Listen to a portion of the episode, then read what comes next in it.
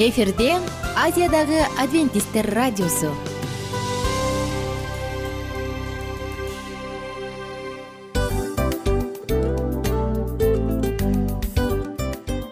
Достор салют. Баардык сүйүктүү угармандарыбызга салам айтабыз. Кутман күнүңүздөр менен.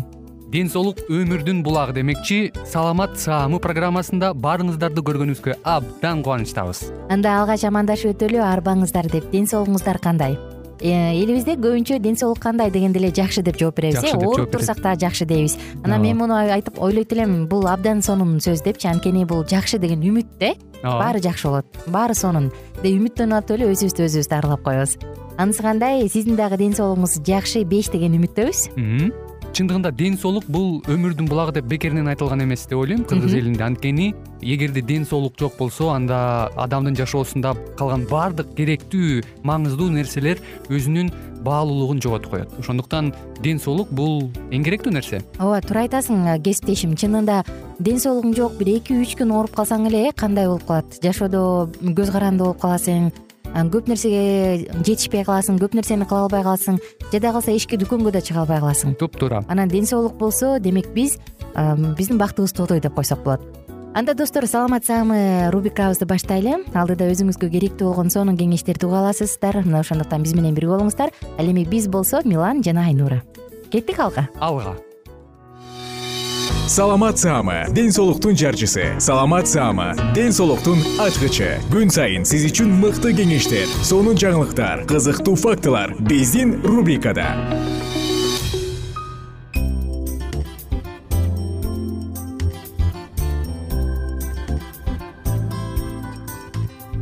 Салам достор. Биздин сүйүктүү угармандарыбыздын баардыгына ысык салам айтабыз. Сиздер менен бирге саламат саама рубрикасындамын. Жана аты жөнүм айнура миназарова. Достор бүгүн бул уктурууда биз дисфункция эректилдүү дисфункция деп аталган теманын үстүнөн сөз кылалы деп турабыз. Алдын ала кечирим сурагым келет бирок баягы булардын баардыгы жашоого тиешелүү жашоодо болуп жаткан нерсе болгондуктан бул теманы аттап кетүүнү туура көргөн жокмун. Мүмкүн кайсы бир мырзаларыбызга бул жардам берер. Ошондуктан кулакка күмүш сырга дейли дагы бир аз жагымсыз болсо дагы бир аз уятыраак угулса дагы бирок баары бир айтып кетүүнү туура көрдүм бүгүнкү биз сиздер менен бөлүшчү э, үч үч эсе күч деп аталат үч эсе күчтүү деп аталат. Анан алдыда ал үчүн эмне керек? Жана деги эле эректилдик дисфункция болуп жатса эмне кылыш керек? Мына бул тууралуу кененирээк сөз кылабыз.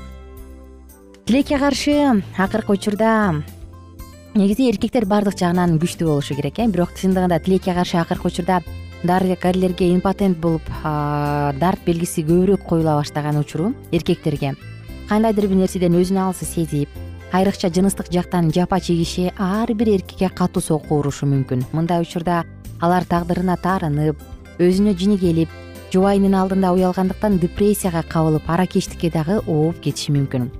Ал эми врачка кайрылып дарылануу ой түшүнө дагы кирбей калат. Мунун себеби биринчиден ал эркектердин ооруканалап жүргөнүн жактыра бербегендиктен болушу мүмкүн. Экинчиден импотенция тууралуу түрдүү аңыз кептерге ишенип алышкандар көп. Азыркы учурда баардык оорулардын түрлөрүн айыктырса болот. Буга адамдагы эрк жана өз келечегине кайдыгер карабаган мүнөз керек. Анда достор биз андан ары уланталы статистикага кайрылсак.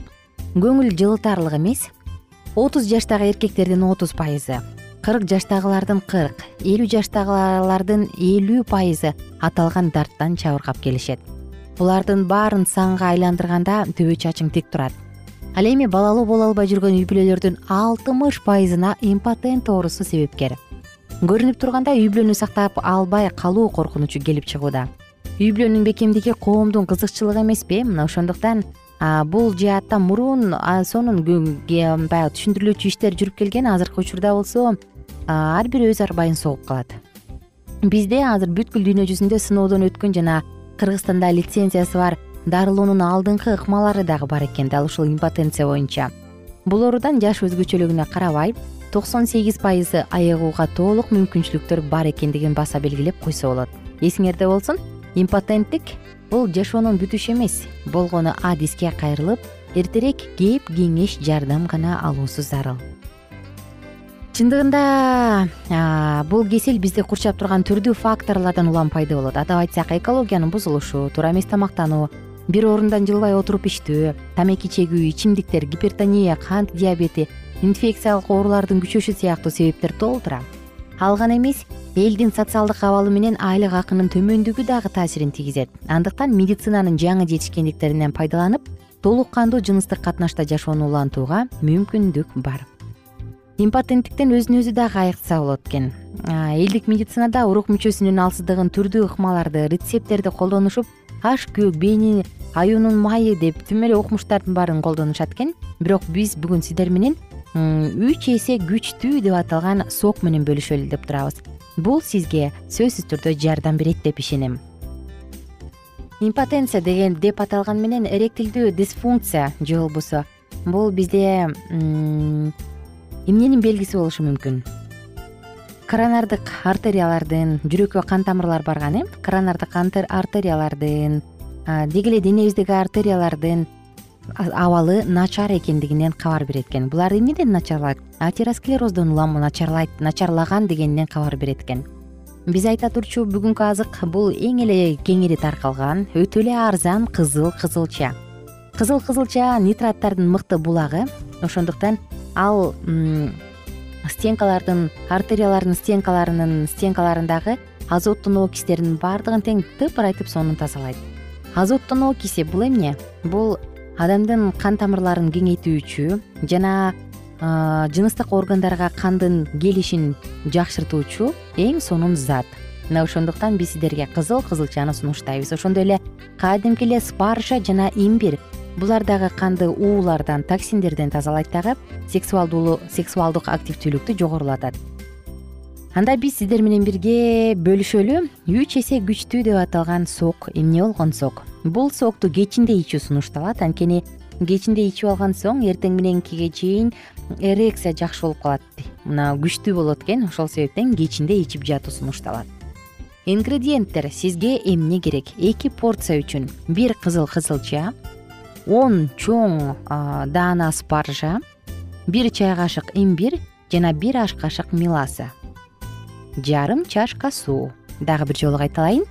Бир кызыл кызылча он чоң спаржа бир чай кашык имбирь бир аш кашык меласа жана жарым чашка суу эми кызылчаны спаржа имбирдин баардыгын тең тазалап жууп алган соң аларды блендерге салып туруп майдалаңыз ага сок суу кумшекер меласанын баарын кошуп кадимки эле кашык менен аралаштырып коюңуз болду сонун сок даяр.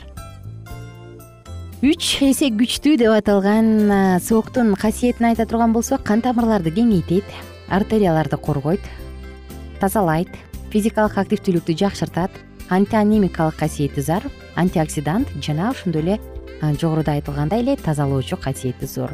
Анын курамында фалат к витамини железа магний калий б бир б эки б с витаминдери б алты витамини цинк селен бар мына ошол себептен улам. Бул нерсени ичиңиз дагы өзүңүздүн жашооңуздун бакубат бактылуу болушу үчүн кам көрүп күрөшүңүз. Импотенция достор бул уят эмес. Бул дарт эркектерге эле эмес аялдарга да тиешелүү.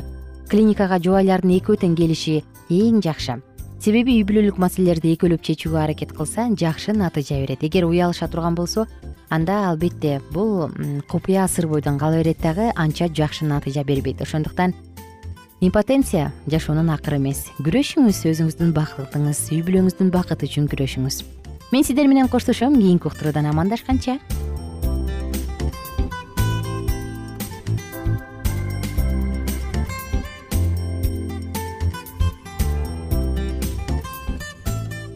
кененирээк маалыматтар үчүн үч w чекит саламат чекит клуб сайтына келип таанышыңыздар.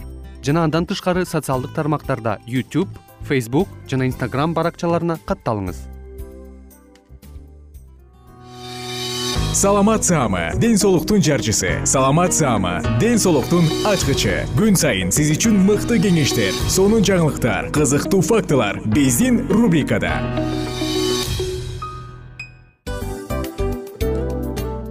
салам достор. Кайрадан биздин сүйүктүү рубрикабызга кош келиңиздер деп айтмакчыбыз.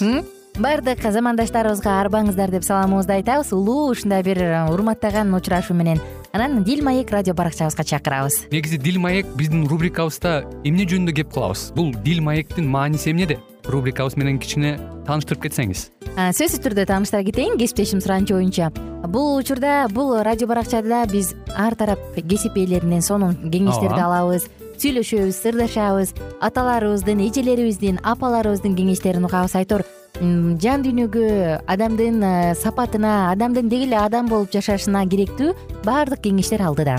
Негизи э, дил маек дегенде баягы эки адамдын ортосундагы сырдашуу кенен сүйлөшүү. Негизи эле биз адамдар бири бирибиз менен бир жерге жай жерге отуруп алып өзүнчө тынч э, жашоо жөнүндө өмүрүбүздө эмне болуп атканын бөлүшкөнү жакшы көрөбүз э адамдар. Ооба туура айтасың анан мындай учурга кээде убакыт да жетпей келет э? Же болбосо сырыңды кайгыңды муңуңду кубанычыңды айткың келет а адамга ишенбешиң мүмкүн. Ооба. А бул радио баракча угармандарыбыздын чыныгы досу. Анткени бизден алган кеңеш сиздин жашооңузга чоң жардам берет. Ал эми сиздин бизге айта турган сөзүңүз ортодо гана сыр бойдон калат. Ошондуктан биздин дил маек рубрикабызга дагы бир жолу кош келиңиздер. Жана биз даярдаган маалыматтарга даяр болуңуздар. Айнура жана милан сиздер менен бирге алдыга кеттик ар түрдүү ардактуу кесип ээлеринен алтын сөздөр жүрөк ачышкан сыр чачышкан сонун маек дил маек рубрикасында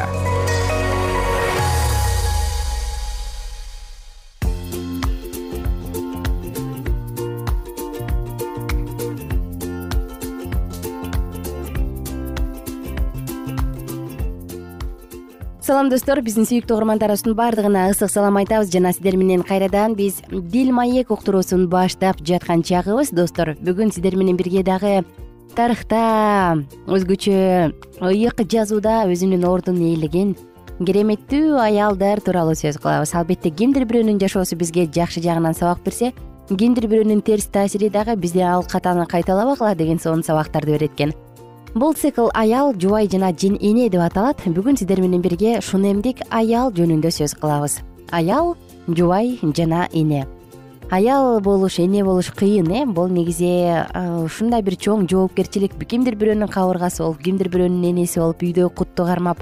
Айтор баардык жагынан эне болуш чындыгында кыйын. Мен бул нерсени өзүм башыма сезгендиктен айткым келет ушул нерсени анан менимче мага деле угармандар кошулат болуш керек. Бирок ошол учурда эле бул чоң рахмат анткени ырахат анткени. Кичинекей жүжөлөрүң кичинекей балаң сени апалап мойнуңан кучактап турса баардык чарчаганың унутулуп калат. Келиңиздер достор бүгүн биз шунемдик аялдын жашоосунан кандай үлгү көрө алабыз эмнени көрө алабыз бирге карайлы. Анда эмесе алдыны көздөй жөнөдүк. Шунемдик аял чыгармачыл ой жүгүрткөн аял. Элиша алдыдагы жыйырма сегиз кылымда ичинде боло турган окуяларды көрө алганбы? Ага төшөк үстөл отургуч чырак койдуруп берген. Бул шунемдик аялдын меймандостугу артып отуруп али туула элек көптөгөн пайгамбарлар үчүн көрсөтүлгөн чексиз меймандостукка айланаарын ал ойлоду бекен эрон броун бир күнү элиша шунемге келди. Ал жерде жашаган бир бай аял жалынып жалбарып аны өзүнүкүнөн тамак ичкенге көндүрдү элиша үйгө кирсе төшөгүндө өлгөн бала жатыптыр. Ал кирип эшикти бекитип. Дал ушул окуя бар. Библия бул аялдын бейнесин бир нече таамай штрихтер менен сүрөттөйт. Бай күйөөсү бар баласы жок аял. Анын аты айтылган эмес. Шунемде жашагандыктан ал шунемдик аял деген атка конгон. Шунем ысрайылдын түндүгүрөөк жагындагы наинге жакын жерде орун алган миңдеген жылдар өткөндөн кийин ыйса теңир наинде жесир аялдын уулун тирилткен. Ошондуктан бул жер белгилүү болуп калган. Үй бүлөнүн башчысы күйөө деген чындыкка шиктенүүнүн туулушуна библия жол бербейт. Бул аялдын кыңк этпестен баш ийген күн катары үй иштери менен гана алектенип баардык нерсеге ооба деп гана жооп берип турушу керек дегенди билдирбейт. Ал өзү демилге көтөрүүгө укуктуу бул окуядагы шунемдик аял үй бүлөдөгү чечкиндүү түгөй болуп эсептелет. Ал ишке байланыштуу болгон сунуштарды киргизип бирок аларды күйөөсү менен макулдашкандан кийин гана ишке ашырат. Ал өз планын күйөөсү менен бөлүшүп чечимди биргелешип чыгарышат. Сөзсүз эле күчтүү мүнөзгө ээ адам лидерлик позицияны ээлеши керек эмес. Үй бүлөдө жубайлардын ортосунда жаш курагы жагынан чоң айырма болгон учурда да бирдиктүү болуп кудай каалаган функцияларын аткаруу керек. Кудай ар бир адамга ар башка жөндөмдүүлүктөрдү берип кайталангыс кылып жараткан. Аял менен эркектин милдети өз жөндөмдүүлүктөрүн билип аларды максималдуу түрдө колдонуу. Шунемдик аял бизди ушуга үйрөтөт. Бай аял болгондон кийин ал жыргап куунап жашоонун баардык ырахатын көрүп жашаса деле болмок. Күйөөсү картаң баласы жок аялдын жашоосунун акыры кайгылуу бүтмөк. Бирок андай болгон жок. Анткени шунемдик аялдын жүрөгү таза эле. Биринчи кезекте ал өзү жөнүндө эмес башкалар жөнүндө ойлочу. Ал үйүнүн жанынан өтүп бара жаткан көп адамдарды карап туруп алардын арасынан өзгөчө бир адамды байкап калды. Ал аны меймандостук менен үйүнө чакырды. Анткени элиша пайгамбардын кудайдын адамы экенин билинген. Үйдүн кожойкеси ал катары мындай дейт. Кудайдын колуна эмне кылып бере алам? деп ойлоду. Ошентип ал ага бөлмө даярдап бермек болду. Убактылуу башкалкалай турган жай эмес узак убакытка жашаганга боло турган ыңгайлуу жай. Бул маселени күйөөсү менен кеңешип чечкенден кийин үйдү үстүңкү бөлмө конокторго арналган бөлмө даярдала баштады меймандостук негизи достор. Библияда жогору бааланат э? Ошого карабастан конокторго ушундай бөлмө берилгендигин ыйык жазуунун башка бир да жеринен таппайбыз. Бирок бул шунемдик аял. Кудай үчүн жагымдуу бир нерсе жасагысы келди. Ошол себептен кудайдын адамынын кызматына жардам бергиси келип бул жаңы ишти кылууга белсенди. Төшөк үстөл отургуч жана чырак коюлган бөлмөдө эс алууга эле эмес иштөөгө да болот. Шунемдик аял баарын ойлонуштурган ошондон тарта элиша алардыкынан тамак ичип эле кетпестен жашап да калды. Бөлмө узак убакытка жашоого ылайыкталып жабдылган. Ал тургай элишанын кызматчысы гейхазиге да орун бар эле. Бул аял жарды адамга жардам берүү мүмкүнчүлүгү бар бай адамдын кубанычын башынан кечирип жатты. Ал башкалкалар жай таап ал деп. Ага акча берип тим болсо деле болмок. Туурабы бирок аял бул адамга кам көрүүнү өз мойнуна алды. Ошондо адаттан тыш улуу нерсе болду. Кудай ага бала берди. Элиша андан өзүнүн кызматчысы аркылуу сен биз үчүн аябай кам көрүп жатасың сага эмне кылып берели деп суратты. Ыраазы болгон аял менде баары эле бар? Эч нерсенин кереги жок деп жооп берди. Бирок баамчыл гейхази анын баласы жок деди. Пайгамбар аялга бир жылдан кийин так ушул убакта уулдуу болосуң деп убада бергенде аял ага ишене албады. Жок мырзам деди ал. Кудайдын кишиси күнүңдү алдаба дейт. Караңыздарчы кызык э? Кызык окуялар абдан көп жашоодо чындыгында биз кереметтерге ишенбегендигибизден улам көп нерсени көрө албай калышыбыз мүмкүн жана тескерисинче кереметке ишенген ишенгенден улам жашообузда көп кереметтерди көрүп келебиз. Достор биз сиздер менен коштошчу учурга келдик. Жалпыңыздар менен убактылуу коштошобуз жана кийинки уктурууда. Дал ушул шунемдик аял чын эле төрөйбү же төрөбөйбү анын жашоосу кандай болот бул тууралуу кенен сөз кылабыз. Кайрадан амандашканча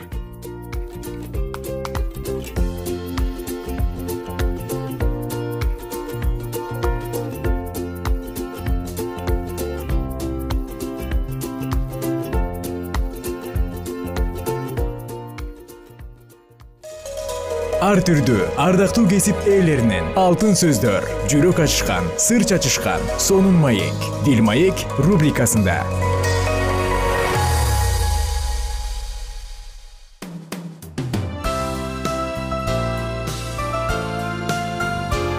Эфирде азиядагы адвентисттер радиосу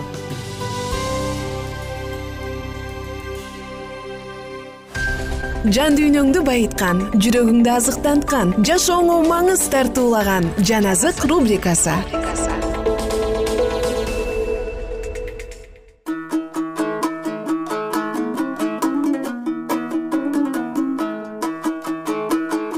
Кутман куш убак күнүңүздөр менен замандаштар жалпы сүйүктүү угармандарыбыз менен бирге биз кайрадан жан азык уктуруусун баштадык.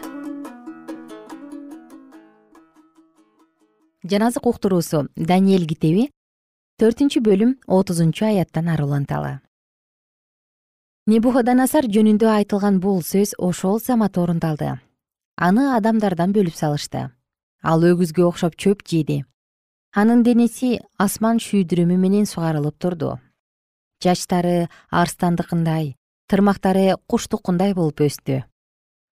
Бул күндөр өткөндөн кийин мен небуходоносар асманды карадым ошол учурда акыл эсим өзүмө кайтып келди ошондо мен бардыгынан жогору турганды даңктадым.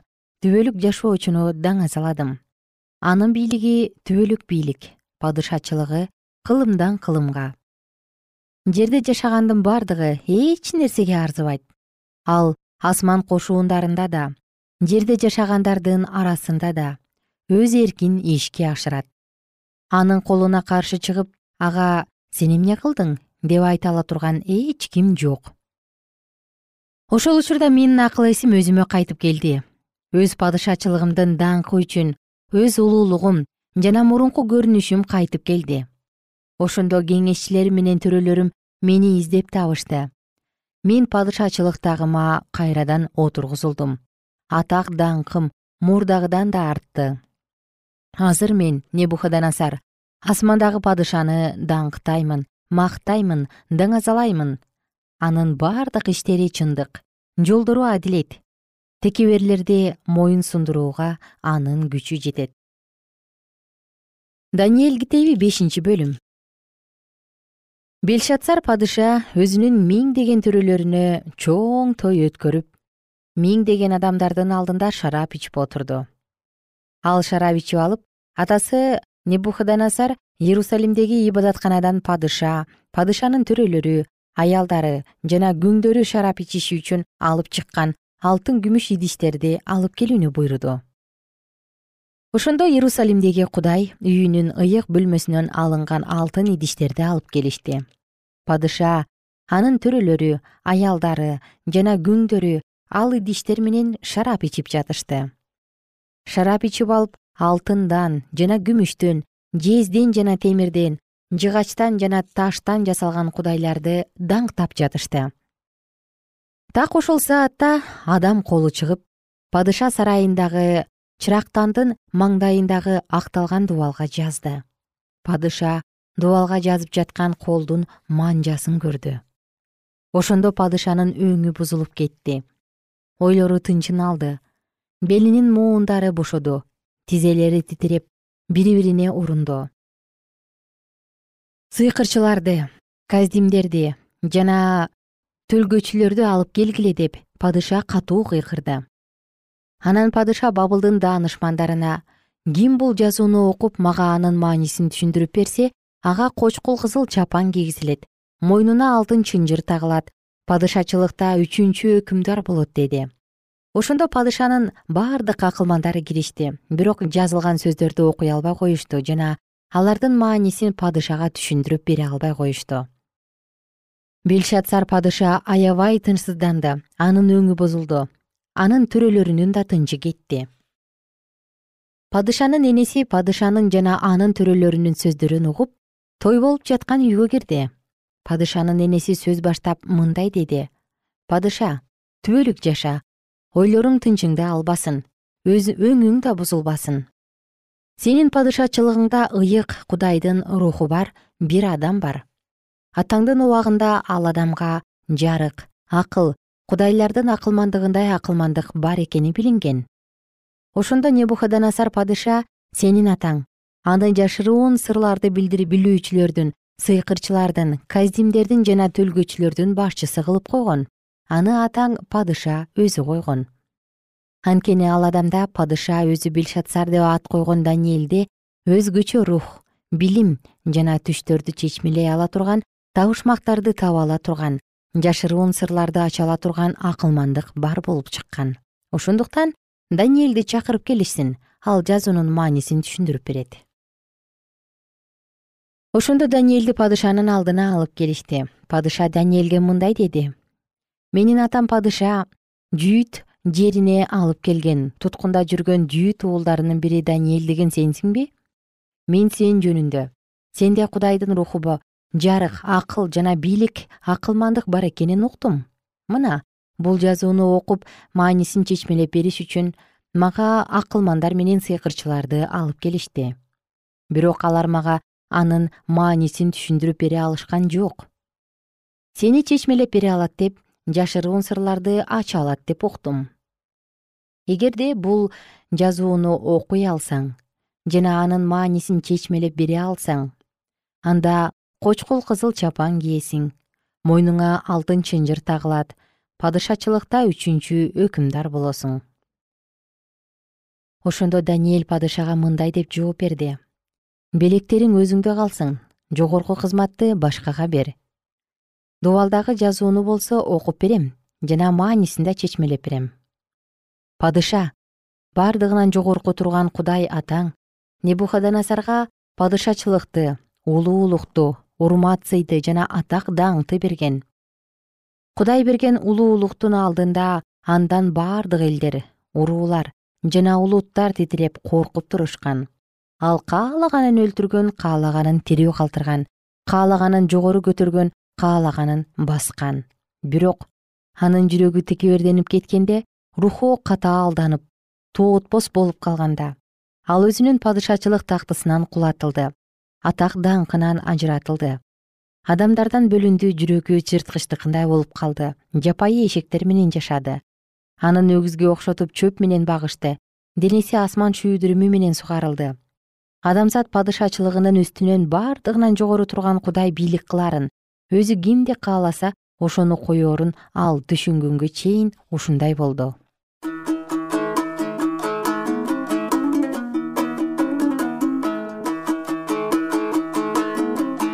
достор биз уктуруубузду кийинкиде улантабыз. Ага чейин жалпыңыздар менен коштошобуз кандай гана кереметтер э карап отурсаң фантастикалык тасмадагыдай бирок мунун баардыгы болгон окуялар. Кийинки уктуруудан амандашканча.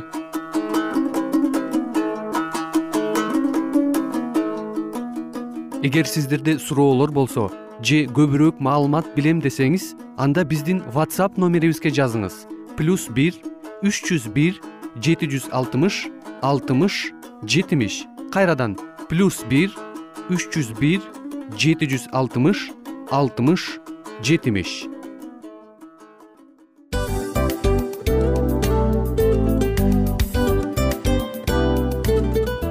Достор биздин радио баракчаларыбыз соңуна келди. Демек бул программабызды дагы жыйынтыктачу учур келдик. Учурга келдик. Анан кесиптешимден сурагым келип турат. Негизи эле иштин башталып атканы кубандырабы сени же жыйынтыгы кубандырабы албетте жыйынтыгы. Себеп дегенде сен кылган ишиңдин жыйынтыгын көрүп э, баягы мөмөсүн көрүп дегендей жыргайсың жүрөгүң жемишинен тартып э? Кандай даамдуу деп. Баягы буудай сепкенде эмес буудай эгинди жыйнагандан кийин ысык нанды жегенде кадимкидей ырахаттанасың го. Ой айтпа туура айта кеттиңиз. Сонун салыштыруу болду анан мен дагы абдан кубанып турам. Анткени биз угармандарыбыз үчүн аябай эмгектенип келген уктуруубуздун соңуна келип калдык анан эми э, уктуруубуздун соңунда угармандар кандай пайда алып калды экен деп күтүп турам да. Балким э, менин жашоомо өзгөрүү киргизе турган сонун сөздөр болду. Мен ушул нерсени изилдеп анан кабыл албасам ушул нерсени кылбасам деген чечим чыгарсаңыз анда биз абдан кубанычтабыз. Сөзсүз түрдө. Андыктан кийинки биздин кызыктуу уктурууларыбыздан көрүшкөнчө сак саламатта калыңыздар чыдамсыздык менен сиздерди мен милан жана кесиптешим айнура күтөбүз баардык угармандарыбызга ийгиликтүү күн каалайбыз. Качан гана болбосун уртуңуздан жылмаюу кетпесин үйүңүздө көмүр жүрөгүңүздө көңүл болсун дейли